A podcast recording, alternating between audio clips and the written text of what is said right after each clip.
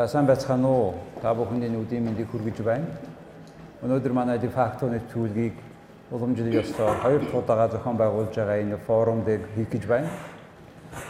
Өнөөдрийн манай хүндэт зочноор гадаад харилцааны яамны сайдаар Монгол улсын ардчилсан шилжилтийн үед 8 жил хашсан 88-аас 96 он нэр дипломат Монгол Монголын Монгол хэлний Оросын олон сайхан сонгодог бүтээлүүдийг орчин үеийн зохиолчлоор бүтээлүүдийг буулгаж байгаа. Одоо хүндэт ах гомсронгоо оролцож байна. Цэрэн пилийн гомсрон Монгол Улсын төрийн зүтгэлтэн онц бөгөөд бүрэн эрхэд элчин сайд гадаад явдлын сайд асан дипломатж Гомсрон Москва хотын хэвлэлийн дэд сургууль, Зөвлөлт холбоот улсын коммунист намын төв хорооны дэргэдэх намын дэд сургууль, Зөвлөлт холбоот улсын гадаад явдлын яамны дэргэдэх дипломат академиг тус тус төгссөн. Тэрээр гадаад явдлын яаманд хилцийн дарга, орлог цайд, сайд, Зөвлөлт холбоот улсад суух элчин сайдын яамны элчин зөвлөх, улсын хурлын гишүүн зэрэг албан үүрэг гүйцэтгэж байв. Гомсрон Монгол улсыг социалист дэглэмээс ардчилсан дэглэм рүү шилжих шилжилтийн он жилүүдэд Монгол улсын гадаад харилцааны бодлого, чиг хандлагыг удирдан залж байсан учраас шинэ үеийн ардчилсан тусгаар Монголын гадаад бодлогын тулгын чулууг тавигч хэмээн үнэлдэг.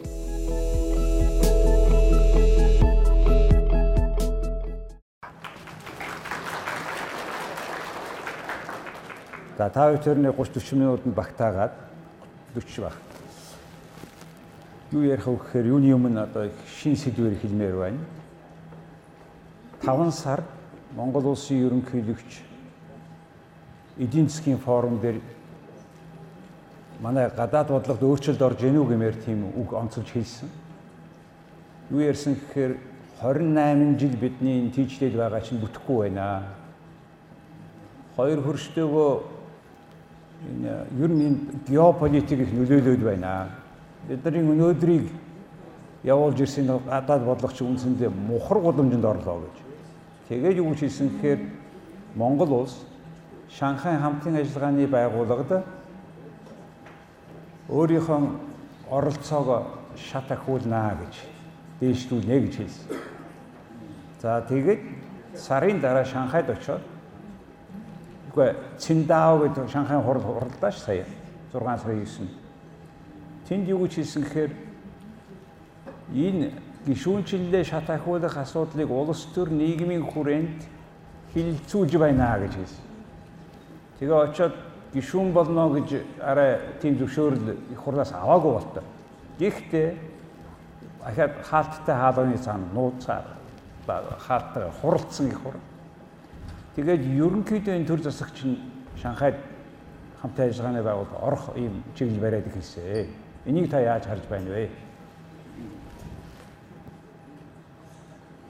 За та бүхний өнөөдрийн амар мэндийг сууж айлтгая.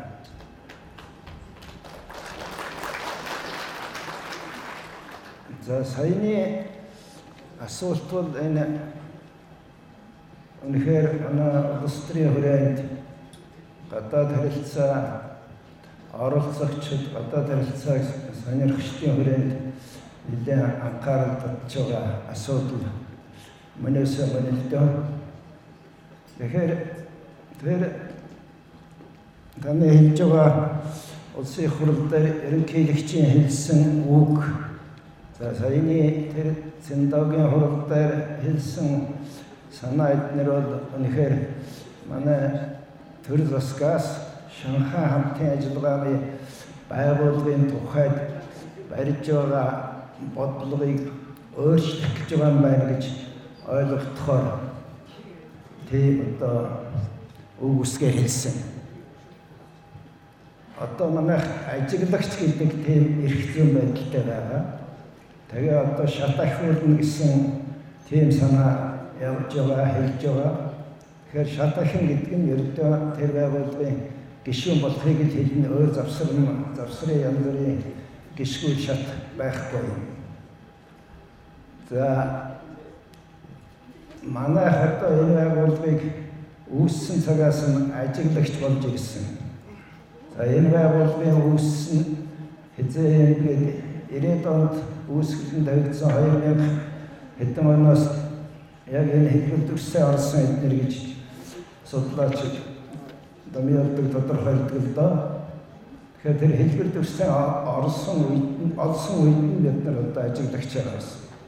Тэгээ энэ хооронд одоо бид нар юу ч олж додоосон гэдэг юм уу тиймэрхүү ярих гээд байх шиг яриач байх шиг. Тэр нь бол үндэстэй. Яагаад гэвэл зэрэг би хөлтөө юу гэж боддог гэвэл зэрэг ажиглагч Монгол битгий хэд гişүүн гэмдэж ирсэн тэр 6 улсын за однонгоос ариун 8 болсон ба.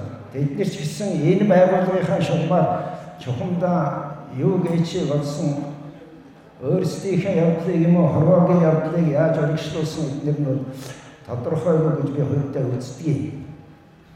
Тийм учраас манай одоо өдөө хөлтөнд барьж ирсэн тэр ашиглагч гээд байгаа ажиглагч гээд байгаа байр суурийг хэвээр хадгалах зүйтэй гэсэн одоо тэгж үздэг хүмүүсийн тоонд би өөрийг хамааруулдаг юм байна.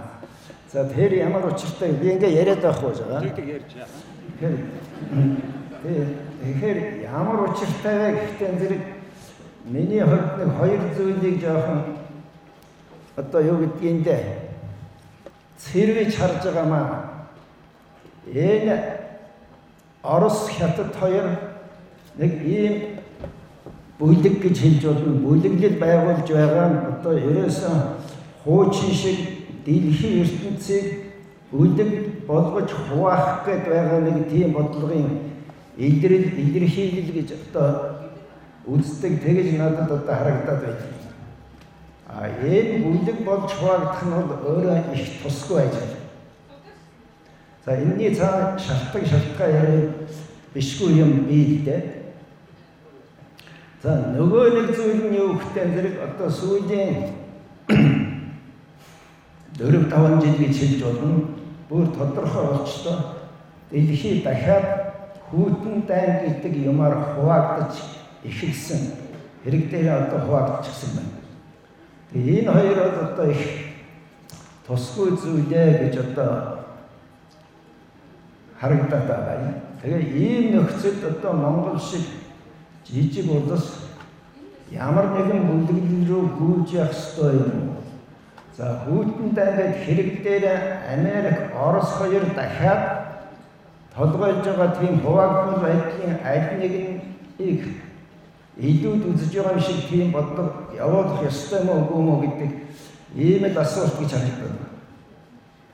Тэгэхээр би хувьдаа болвол одоо энэ хөлн дайны байдал үгүйдээ намжих тийм төлөвийг олсон үед тэгээд энэ Шанхай байгууллага одоо бол ингээд зөвшөөрчлээ их тодорхой боллоо гэж яриад байгаа. Миний хувьд бол огт тодорхойгүй. Өөрийнхөө баримтчилт бол цэрэг улс төрийн байгууллага биш ээ.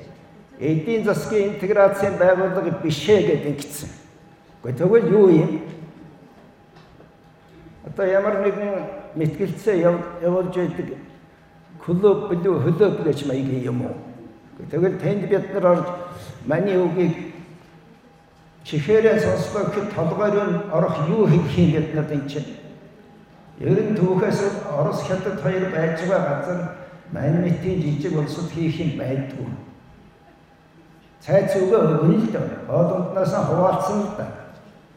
А нөгөө бодлогынхаа баримт бичигдээр суугтайгаа зэрэг тэр хоёрын одоо томьёолсын юмуд яваад ирдэг яваад байдаг тийм л одоо уламжлалтай байна. Тийм учраас бид нар бас нэгэн одоо хурлын хаяа хатавчин сууж идэг юм шиг тийм болчих гээд юм шиг санагддаг. За энэ бол би нэлээд тийм юу гэдгийг.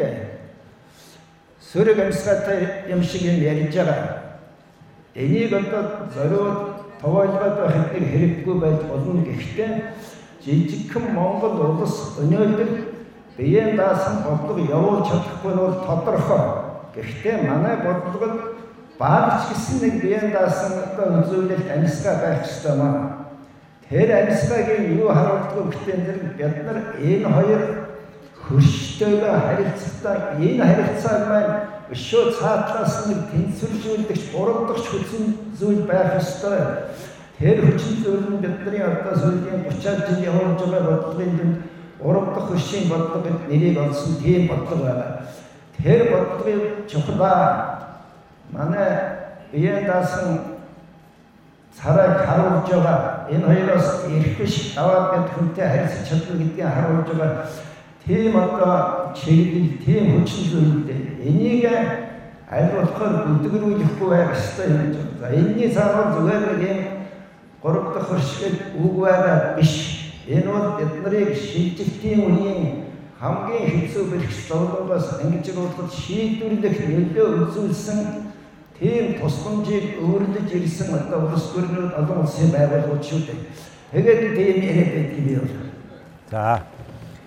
А онцлоггүй би харин таныг сайд байх үед энэ томьёо гарч тэгээд одоо 90-ад онд гал алдсан шахуу байлаа. Сахилгаан станцууд ажиллаж чадахгүй, нүүрсээ авах мөнгөгүй, Улаанбаатар хот өөрөөсөө хөлдчихөөжгүй, хотоор хүмүүс чинь явгаа яваад автобус чинь хүрэхгүй. Ийм үед бол одоо хамгийн гараа сонгож оролцсон тэр ард түмэн бол Японууд тэр улс төр нь Тэгэхээр энэ гурав дахь бодлогыг одоо таны тэр үеийн үйл явдалтай, таны үйл ажиллагаатай яхахгүй холбоотой энэ нэр томьёог яаж бий болгосон тухай танаас асуухгүй одоо хинээс асуухгүй яагаад гурав дахь шинэ томьёог бий болгосон, хэн яаж оролцсон, ямар яаж хүлээж авч ирсэн гэхлээ. Тэгэхээр юу да бид нар одоо гадныхантай ярихаараа одоо нэг бодлын зовлонгоо ярьж байгаа шиг манай хэрэгээс хоёрхан хөрштэй хоёр одоо дэлхийн мундаг том гүрний хооронд харьцуулагдсан нэг ийм байдалтай улс байт юм аа. Тэгээд энэ нөхцөл байдал маань одоо манай одоо юу гэдгийг хамаг зовлон жаргалын одоо их хүндэс болдгийн их маягийн юм л ярьдгийн нэг та. Тэгээд Америкийн төрийн нарийн бичгийн дарга Джеймс Бекер 1990 онд манайд айлчилж ирэхэд бид нөгөөд өгөлдгээрээ өгөлж байсан хэрэгэлтэй. Тэгэхэд одоо Джеймс Бекер бодод төлөвлөж ирсэн юм уу? Зүгээр одоо шууд ярианаас одоо үүдсэн юм уу? Оо бид одоо Америк танаа дахь хөрш байж болно шүү дээ гэсэн үгийг хэлсэн байгаа юм. 1990 онд. За тэрийг бол бид нар одоо шууд өдгөж аваад бараг тог далбан дайранд одоо бичиж чадах халаг юм болно үстэй.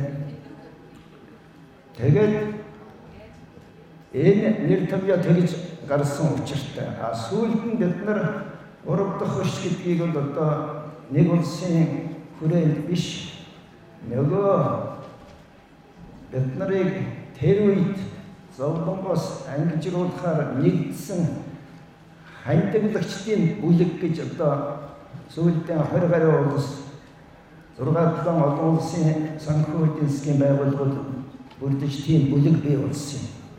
Тэдний бүхэнд нь бид нар одоо 3 дахь шөө гэдэг ойлгож таниалдаг болсон. За баярлалаа. Сонин түүх байна тийм ээ. Джеймс Бекер анхны үгийг хэрэгэлсэн гэж. Тэгэхээр энэ Шанхайн байгууллагад чинь орохгүй бол энэ коридор чинь ч явахгүй юм байна. Хоёр хөршүүж хоёр хоёр том хөрш хоорондоо уулзчаад бидний га ер нь их тоохгүй болтой юм гэсэн ийм ойлголт уур амьсгал их газар авч байна л да. Энэ үнэхээр тийм Шанхайд орохгүйгээр бол одоо энэ коридор чинь явахгүй ийм байдалд орсон юм уу? Тэгэхээр энд нэг сони байдал үүсээд байгаа юм да. Одоо Шанхай хамтын ажиллагаа байгууллага гэдэг нь гişүүн болсон улсаа одоо харж үздэг юм шиг. Одоо эдийн засгийн хөгжлийн хувьд ч юм уу. За өөрсдөө өөрсдийнхээ эдийн засагтай, дэд бүтцтэй интеграцчлах юм уу? Тэгэхээр тэгж ярьж бол болно. Зүгээр Ер нь Орос хятад хоёртой манай энэ одооны иргэдэд байгаа зарим нь манай гадуур явсан одоо дэд бүтцийн төслүүдийг тэр нь одоо нэг газрын тос байгалийн хий за тэгээд сахилга за зам харгагч заримдаа ярьдгийг. Тэгэхээр энэ Шанхай хамтын хэлбэрний байгууллага гээчнийг огт сураг ажиггүй байхад бид нар Орос хятад хоёртой хоёулантай одоо царайчлан ярьж ийсэн байна. Та нар одоо өөр хоорондоо байгуулах гэж байгаа энэ том төслүүдэд Монгол дээгүүр дамжуулж тавиач гэдэг санааг тус тусд нь ярихаар бид ойлгож байна гэдэг. Би ойлгож байна гэдэг цаадах чинь юу гэх юм бол доо гэдэг ийм л байр суурьтай байгаад байсан байгаа юм. Тэгээд одоо тэр байр суурь нь хэрэг дээр хэрэглээ л байгаа. За энэний цаана бол одоо уучлаарай гэхдээ би бол одоо муу санаагаар илтвээ муу юм л боддог юм л байна. Энэ хоёр бүрэн болгол одоо Монголыг одоо өөрсдийнхээ санссны зоргоор байлгаж байх ёстой гэсэн одоо өөр туйлшруулж хэлбэл тийм бодлого явуулах одоо тэрийг манай одоо үндэсний язгуур эрх ашигаас үүдэж байгаа гэж одоо үндэслэх ийм бодлоготой гэхээр юм яваад байдгийг. Тийм учраас би одоо хөдөө хэмжээний хөвтэй зэрэг одоо бид нар аль хэзээ тавиад байхад одоо алихтай авч үзээгүй чинь одоо энэ Шанхай гэдэг юмтай холбоот тэрний гишүүн болохоор одоо та нар яг ёсоор юу гэдгийг манай шаардлагыг хангаж бид нар одоо танахыг нааштай харж үзэн бид гэх нь юу болгож. Тэгээд жаргалсынхаа энэ хамгийн зовлонтой юу байдгийг гэхдээ зэрэг бид нар тэр айлын том том төслүүдийн тухай дуулчаар үгүй энд чинь оролцсон манай дээгүүр тавиач эднэр гэдгийг хамаарал ярьдаг болсон. Энд чинь оролцохын тулд байна шүү. Манайд одоо тийм хэмжээний одоо хөрөнгө хүч байна. Энийг бид нар одоо энд чинь нийлүүлээд орё Энэ бол одоо зөвхөн манай газар нутаг дэвсгэр биш ээ. Бид одоо хөрөнгө хүчээр орно. За тэрнээс гадна энэ том төслүүд чинь сүүлдээ ажиллахын гэхэд бид бол одоо ийм баталгаа өгнө. Эднэр гэсэн манай нарийн бодлого хэрэг дээр байхгүй. Хэрэг дээр байхгүй. Тийм учраас одоо дарга нар бол оо зүйтэй Тэгээ судлаа гэж ингэж ярьчаад тэгээ цаашаа ажил болдгүй идэвхтэй. Одоо сая энэ яриа маань явсаар байгаад ерөнхийлөгч ерөнхийлөгч Путинтэй уулзахдаа тэр тав дээр нэмэх нэг гэдэг томьёогоор ярьсан байна гэж. Тэр нь болохоор анх удаага 90-ад оны үед инг сайхан ерөнхий сайд байхдаа тэр хий дамжуулах хоолойн тухай бохоо ярьж байгаа тэг чимээг уулзсан. Яг сайн таны ярьсан томьёогоор Тэгсэн чинь сая эрхүүгийн засаг дарга нь Монголд ажиллахдаа хийн тухай ярьж ихсэн. Тэгээ энэ хийн хоолой тэр Ковтхинскийн хийн хоолойгоор наашаага тэр таван юм дотор нь төмөр зам, хурдны төмөр зам гэж байгаа шүү. Авто зам, fiber optics гэж байгаа кабел тий, шилэн кабел, цахилгаан. За тэгээд fiber optic сахилгаан төмөр замын хурдны гатар гэсэн те энэ тэгээд тэр тав дээр нэмэх нэг гэдэг нь юу хэлээд байгаа нөгөө Улаанбаатарт метро тавина гэсэн энэ яриа тэр эрхүүгийн дарга тавьмагцсан тэрийг тэр чигээр нь би өөрийнх нь танай тооцоо шүү гэж хэлсэн ерөнхийдөө Путин болохоор бид энийг судалж үзье гэж хэлсэн гэдг нь одоо ирээд л одоо баг хийх ойлголт нь бол одоо ер нь хийхэд бэлэн болсон шиг санаа гарчих гээд байгаа юм л А үнэндээ бол энэ иймэрхүү яриа бол маш удаа явагдаж байгаа. Тэгээ би танаас ийм юм асуух гэдэг нь л да. Ерөнхийдөө яагаад бид нар руу ингэж хандаж байна гэхээр энэ гурван одоо Монгол, Орос хятад энэ гурвын төрийн бүтцэн зарчмын ялгаа нэг том байна л да. Жишээлбэл манай ерөнхийлөгч очоод гишүүн болчихноо гэж хэлж гисэн бол эрэхт нь одоо энд жагсаж иж мэдхээр тийм ойлголттой болчихно шүү хүмүүс. А манай хойд урд хоёр хөршин шийдвэрийг бол тэр хүн хэлээд бусд нь дагдаг тийм орн болчиход шүү. Буюу улс төрийн хувьд зарчмын хувьд энэ ардчлал гэдэг үг чинь энэ ойлголт чинь бидний амьдралын хэм хэмжээ болчлоо. Тэгэхээр энэтэй холбоотой ямар нэгэн а та нар яас их ардчилсан улс вэ? Та нар яас их биднээс өөр юм ярьдаг хүмүүс вэ гэсэн ийм ойлголт бас гарахгүй гэсэн байна уу гэж харж байгаа. Тэгэхээр энэ одоо бидний ардчилсан энэ үнд зүйл гэдэг чи одоо одоо тийм чухал байх уу? Ямар одоо энэ юу юм? Энийг та яагаад бид нар энэ ардчилсан нэгнийгээс ингээд сонгож авсан. Тэгээ энийг та юу гэж үзэн одоо 28 жилийн дараа. А тэгээ сая миний хэлснээр хоёр хөр шинийг яаж харж Тэгэхээр юу л да одоо үнэхээр бид нар энэ дотооддоо санал нэгдэж асуудлаа шийдэж чаддгүй маань бидний нэг зовлон л доо. Гэхдээ үнэхээр одоо үндэсний эрх ашгийг бүрэн одоо хүндсэн язгуур эрх ашигт маань нийцсэн тийм асуудлыг шийдэх шаардлагатай тэрэн дээрээ одоо ухаанаа урагдуулаад санал нэгдэх боломжтой болох юм бол бид нар тэр тухайд их түргэн хэл амаа ололцсон. Түргэн ололцсон.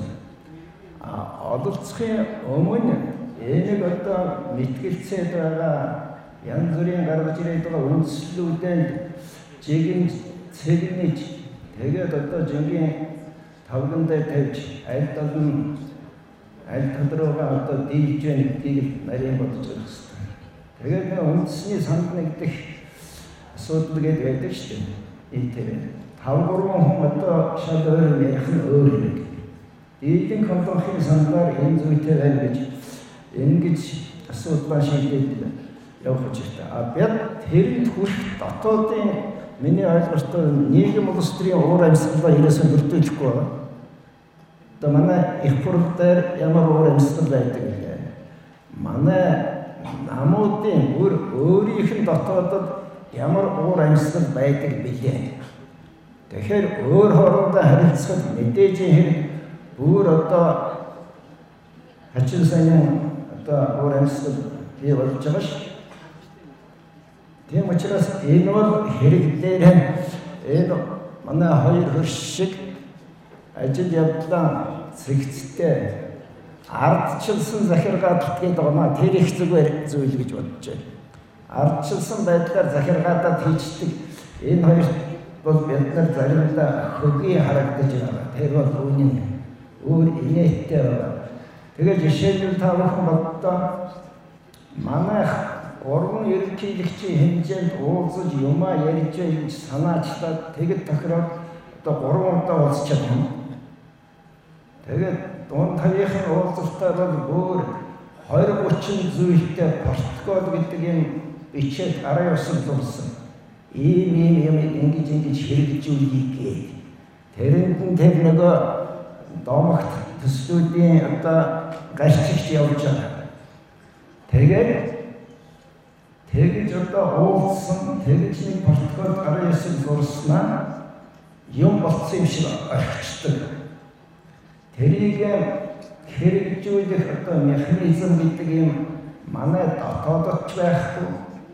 Мэдээж тэр 2030 чинь манай 10 хэдэн яам бүгдээрээ хамаатай. нийлүүлж нэг тэгж барьж байгаа зангидж байгаа юм хэрэгтэй байхгүй. А нөгөө хоёр нь бол За Монгол ингээд байгаа юм. Тийм учраас ийм санаанууд тэмдэглээд протокол байгуулах болохгүй юу яах гэх шахуу хандаж тийм протокол байгуулсан гэж хэлж болно. Тийм учраас тэр хоёр яг тэр юмнуудыг барьж хөөцөлдөх бас өөрийн гэсэн юу байх. Яг тэднэрт нэг чухал юм байгаа бол одоо мэнтэй мэнгүй хийгээ явж байгаа юмуд нь яваад байна. Тийм л болчиход байгаа юм л да энэ тэгээд энэ зарим өндөр түвшинд айлчил хийх юм аа. Тэгээд гарын үсэг зурсан тэр гарын үсэг том том тоо ярьж 30 40 гэрэн зурлаа янз бүрийн юм зурлаа гэх. Тэгээ энэ ерөнхийлөгчийн ерөнхий сайтын хэмжээнд төрийн айлчлалын тэнг болох үеэр гарын үсэг ойлголцсон санамж бичиг энэ төр зураад байх юм. Тэр одоо ямар учиртай. Тэгээ яг сайн сайн хэлдэг протокол зурхын, ойлголцоод энэ санамж бичиг зурхын тэгээ яг ажил болохоос зурхгүй бол энэ улс орнд чи ерөнхийлөгч нь очихоор атомын цахилгаан станц яг баримт чиглэх шиг ийм маягаар ийм том ажил хэрэг юм зураад байгаа маа. Тэгэхээр энэ манай төр засагч нь одоо бодлогогүй байна. Тийм ээ тэгэхээр тогтвортой биш байна гэж та энэ бүхний цааш шатхаа нь юу юм бэ юм? Тэгээ яаж харж байна? Одоо дээр төвшөнд ийм саяхан ярьсан шиг ийм айлчлууд хийгдэж байна. Ойлголцлын гар үсэг зурж байна. Яамдууд хооронд доош гэрээ зурж ах шиг ер нь энэ манай энэ төрчнийг ингэ жигдэхгүй байгаа, болохгүй байгааг та яаж харж байна вэ? Хаана шалтгаан байгаа юм бэ?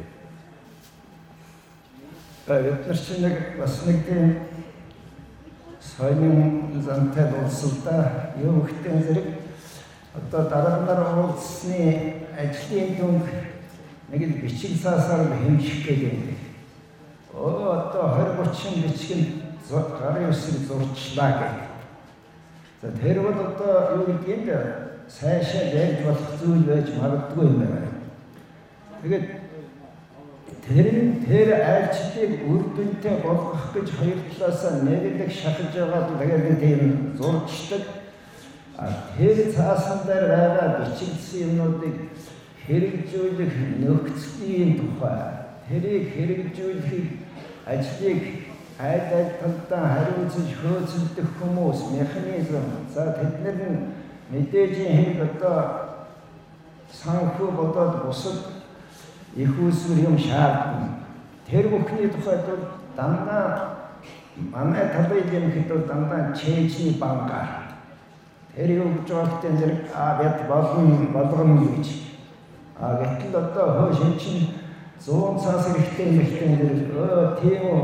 Ууд манай чинь 5 цаас байгаа юм л да гэх маягаар бид нар юм ханддаг юм аа. Тэгээд сая тавхан анзаарсан байх одоо ерөнхийлөгч маань тэр цэндагийн уулзалтаас буцаж хүчрээд хэлсэн юм дотор нь одоо нэг чухал санаа байгаа гэж үзэж байгаа. Тэр юу гэхдээ зэрэг ийм гурван талаар захирсан юмнуудыг хэрэгжүүлэх механизмыг хариуцах механизмыг дотоодоо бий болгох шаардлагатай юм байна. А нөгөө талаар нөгөө хоёр улстай одоо бас тэрийг хариуцдаг гэдэг юм уу? Хүнч гэдэг юм уу? Байгуулагч гэдэг юм уу? тэрийг тодорхой болгох талаар ярь тохирох хэрэгтэй юм байна гэж. Энэ бол үнэхээр тийм. Тэгээд яг тийм дүгнэлтийг өмнө хийхгүй яасан. Одоо бол ягаад энэ ерөнхий төлөвлөгч ингээд цээжний бангаар яваад идэг болчихж байгаа бэ? Ягаад би бүр бүр цаас шатхааны бид нар юм идэхгүй хүмүүс үгүй юм шүү мэдээд ах шиг байна. Ягаад энэ төр засагч нь ийм цээжний бангаар ярьдаг тэр механизмын одоо болтол ажлуудаагүй энэ олон мянган ажил болоод байдаг. Дахиад байдаг, дахиад байдаг. Энэ бидний юунаас болов юм ч бүхнийг мэдчих биш зүгээр хамгийн ноцтой зүйл бол манай улс төрчид ердөө явуулын улс шиг байна. Тэгээд хонцын сэтгэл зүйтэй гэсэн их хатуу хэлдэг сэтгүүлчид би дөрвөн жил яваад тэр хооронд сайхан юмнууд ярив. Тийм ээ. За аль нь болж гэн аль нь болохгүй байгаа нь бол хувь улс төрчид огт хаддаг. А тэр нөхөр бол сайхан ярьсан байх хэвээр. Бүтээгүн зовлон сайхан тоочж чаддаг байх хэвээр. За өөрөө болбол одоо намайг ингэж сайхан яриад байхад одоо бол жихгүй хамтал гэх маягийн шхуу. За энэ нэгтгэд уучлаарай яраг тийм шог маягийн ярьж байгаа шиг санагдав. Тийм зүйл манайд байгаа. А тэгээд зүгээр нэг одоо та нар нэг сандаа Гэхдээ бид нар чи ерөөсөө улсаа хөгжүүлэх үзэл баримтлал юм алга байна гэж их жил ярьсан. Тэгээд миний мэдхээр бол лавл дөрвөн одоо Монгол улсыг хөгжүүлэх үзэл баримтлал боловсруулсан да. Баримт боловсруулсан бичиг саасаараа бол монголчуудын шивцаар болсон байхгүй юу? Тийм. Тэгээд нөгөөдөл сайхан бичиг тэгэл тэр. Тэгэхээр яагаад тийм байна нэгдүгээр, хоёрдугаар энэ төр засаг ингээд тогтургүй байна. Хоёр жил тутам солигдож байна анхудаага жишээлбэл энэ ардын нам төр аваад бас дотроо сольж шít анхудаага тийм ээ. 2 жил болоод хүмүүс сольж. Одоо ахиасаж барих янз бүрийн худлаа өнөө юм ярьж л яах юм тэгэхээр энэ бид нар дотор ингээд төрөө байгуулж чадахгүй байна уу, хэн чадахгүй байна уу?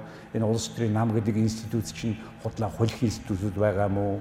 Тэгээ эн чинь би ингээд төр засгийг солигдоод нөгөө энэ шүүх засаглалч ч гэсэн одоо зөв хуучтын форум болж байна. Энэ ч гэсэн ингээд бүрэн тэр хүмүүс юу хийгснийг юу хийдэг систем яваад юм нөгөө нөгөө нэг харилцсан баланстай байна. Гэл нөө бид нар ч бахан бичээлээс юм чахаад явахгүй шүү. Энийг та яаж харж? Гэхдээ юу гэдэг энэ явж явж тэр миний хэлээд байгаа тарихт одоо явуулын улс шиг. Тэгээ явуулын улс чинь бол одоо юу гэдгийг сайхан машин онцгч гэдэг юм уу сайхан буудал томчоо явчих гэдэг юм одоо их хялбаршуулж ойлгол тийм сэтгэл зүйтэй юм шиг.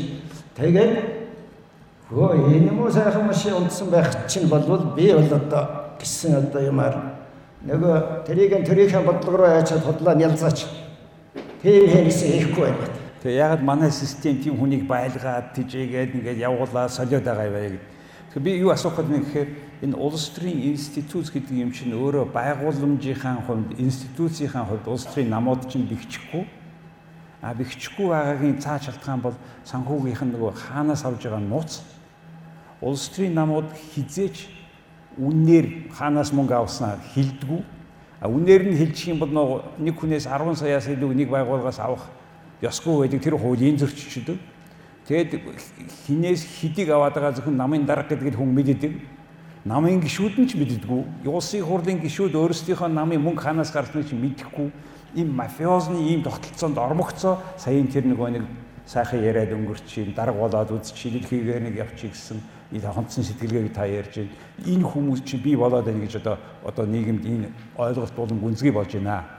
Та энэтэй санал нийлэх үү? Энийг яаж өөрчлөх вэ? Гэхдээ энэ өөрчлөхөд бэлэнгүй болтой юм. Тэгээд бид нар чинь хамгийн сонирхолтой одоо муу юмар их амархан жишг хий. Тэгээ муу юмыг дуурайхад амархан байдаг учраас Тэгээд одоо энэ ардын нам гэхтэл харагдаа нөгөө ардчилсан намынхан чинь өвлөө 4 жил 3 4-өр засгийг солиод байна яа яа гэдэг байсан. Тэгээ одоо өөрснөө тэгээд тэр 3 4 солисноос нь юу юм бэ? Хохирсон юмнууд бол бишгүй байгаа. Гэхдээ Монгол гэрэн сончихгүй юм. Тийм ээ. Одоо зүүн байснаа гинтхэн өвөл болчихгүй юм. Тэгэхээр одоо энэ улс төрийн тоглоомын улс төрийн наадамчин ер нь ийм жаягтай юм биш үү гэж одоо нөгөө муу жишгээр жаяг тогтоогод тэгээд тэрний цаанууд ердөө хувь хүмүүсийн сонирхол даван байсан тийм л улс төрийн тоглоом явж байгаа л гэж харагдана. Түүнээс биш одоо одоо энэ чи чадж байна чи чадахгүй байна. Одоо хэдүүлээ нийлээд энээс илүү яах вэ? Энэгээрээ зүтгээд байж байгаа нэг 4 жилдээ чадах юм аа чадчих, эс чадахыгаа одоо тэм олондоо ойлгуулчих гээд ингээл зүтгэх ёстой. Ийм л ёс суртахуунтай юм уу? Жаягтай байх ёстой.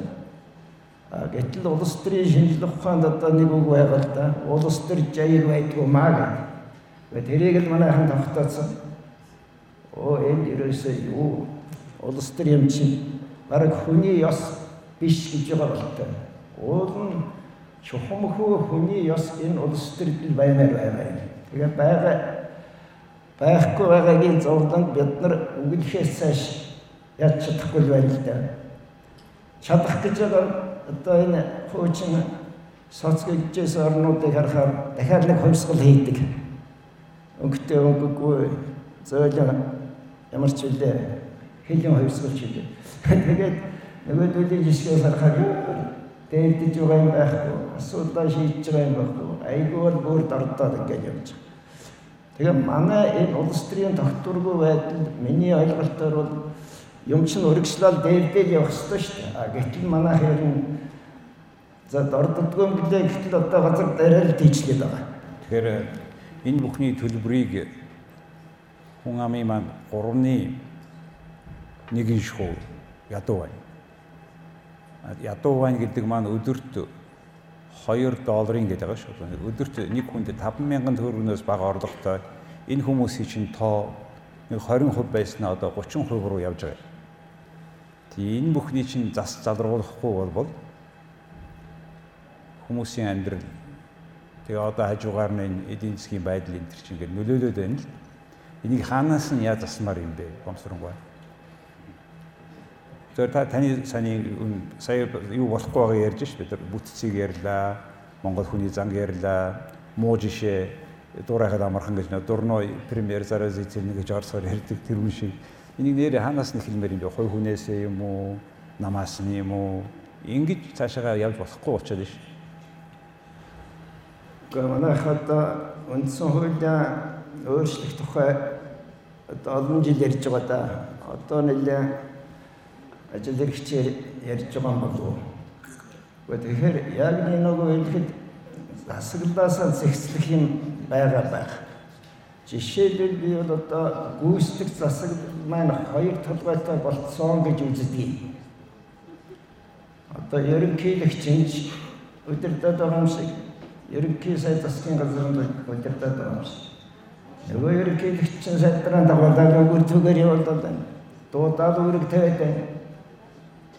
Тэгэхээр л одоо тэгээд сонирхолтой ерөнхийлөгч нам бус байх ёстой гэх боловч одоо өнөөдрийн байдлаар бол бас их хурл ерөнхийлөгч хоёр сөрөг сөрөг хүчин шиг л ажиллаж байгаа хэрэгтэй. Тэгэхээр одоо үндсэн хуульд өөрчлөлт оруулахын болбол энэ одоо гүйцэтгэх засаглалын хоёр толгойтой юм шиг байдлыг жишээ нэхлээр зэгцлэх ёстой. Эсвэл тэр ерөнхийлөгчийн засаглалтай улс болох ёстой. Эсвэл ерөнхийлөгчийн одоо бэлгэдлийн чанартай гэдэг юм. Тиймэрхүү бэлгэдлийн чанартай одоо сонгогддог жишгээр тийм маягаар улсууд Энэ улс орны ажлыг тэр засгийн газар нь ганцаараа хариуцдаг тийм юм руу одоо орох хэрэгтэй. Өөр. Аа тэгээд засгийг барина гэдэг чинь нөгөө парламент гэж та олон улсын юм уу үгүйдээ эвссэн байх ёстой шүү дээ. Тэгээд бодлогыг нэгтгэж явуулах ёстой. Би ийм асуулт суух гэж бараг сүүлийнх нь цаг хугацаа байгаа учраас сая Монгол улсын ерөнхий сайд байсан хоёр ч хүнийг баривчлаа. Тэгээд би нөвдлөөгээд суллаа тийм ээ. Дараа нь бас хоёр хүн байна ахаа сулж байна. Энэ шүүхийн системийг би ердөөсөө ойлгохгүй байсан. Одоо энэ хоёр бас нэг ерөнхий ирчээ барьж явахдаа таван хэрэг өгсөн. Тэгээ жилээс жилд нөгөөд нь алга болсоор байгаад ер нь яах ч баривсан бэ гэдгийг тодорхой бос болчихсон одоо энэ хоёр бас нэг ерөнхий сайдыг ингээ явсаар байгаа бас сүлд нь яасан ч мэрэгдэхгүй. Айгуул би энэ муудаад тэгээд ерөнхийдөө юу ч болсон ч мэрэгдэхгүй, яасан ч мэрэгдэхгүй баахан шоронд байж байгаа гардаг юм ийм нэг зуршил тогтчих гээд байх юм аа. Та энийг яаж харж байна? Энийг юу яаж чарахгүй вэ? Яаж гэж харж байна. Ерөөс тарих мэдэхгүй. Ингээд ийм логикт орохгүй юм Монголд улам их болоод байхаар төр засгамж гэсэн одоо хэний ялахыг хүлээгээ сууж идэг юм болчиход байна л да. Тэгээ үр дүнд нь тэгээд ийм хүмүүстэй тэгж харьцаж болж байгаа юм бол зөвөр нэг энгийн иргэдийг бол ер нь энэ систем бол яаж чадчихад байгаа байхгүй. Тэр нэг хуулийн өмнө бүгдээрээ тэгшилгээд байгаа шүү дээ тийм ээ.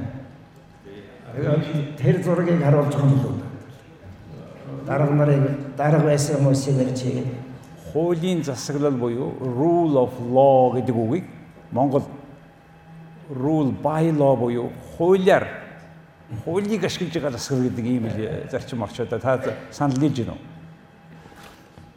Гэхдээ одоо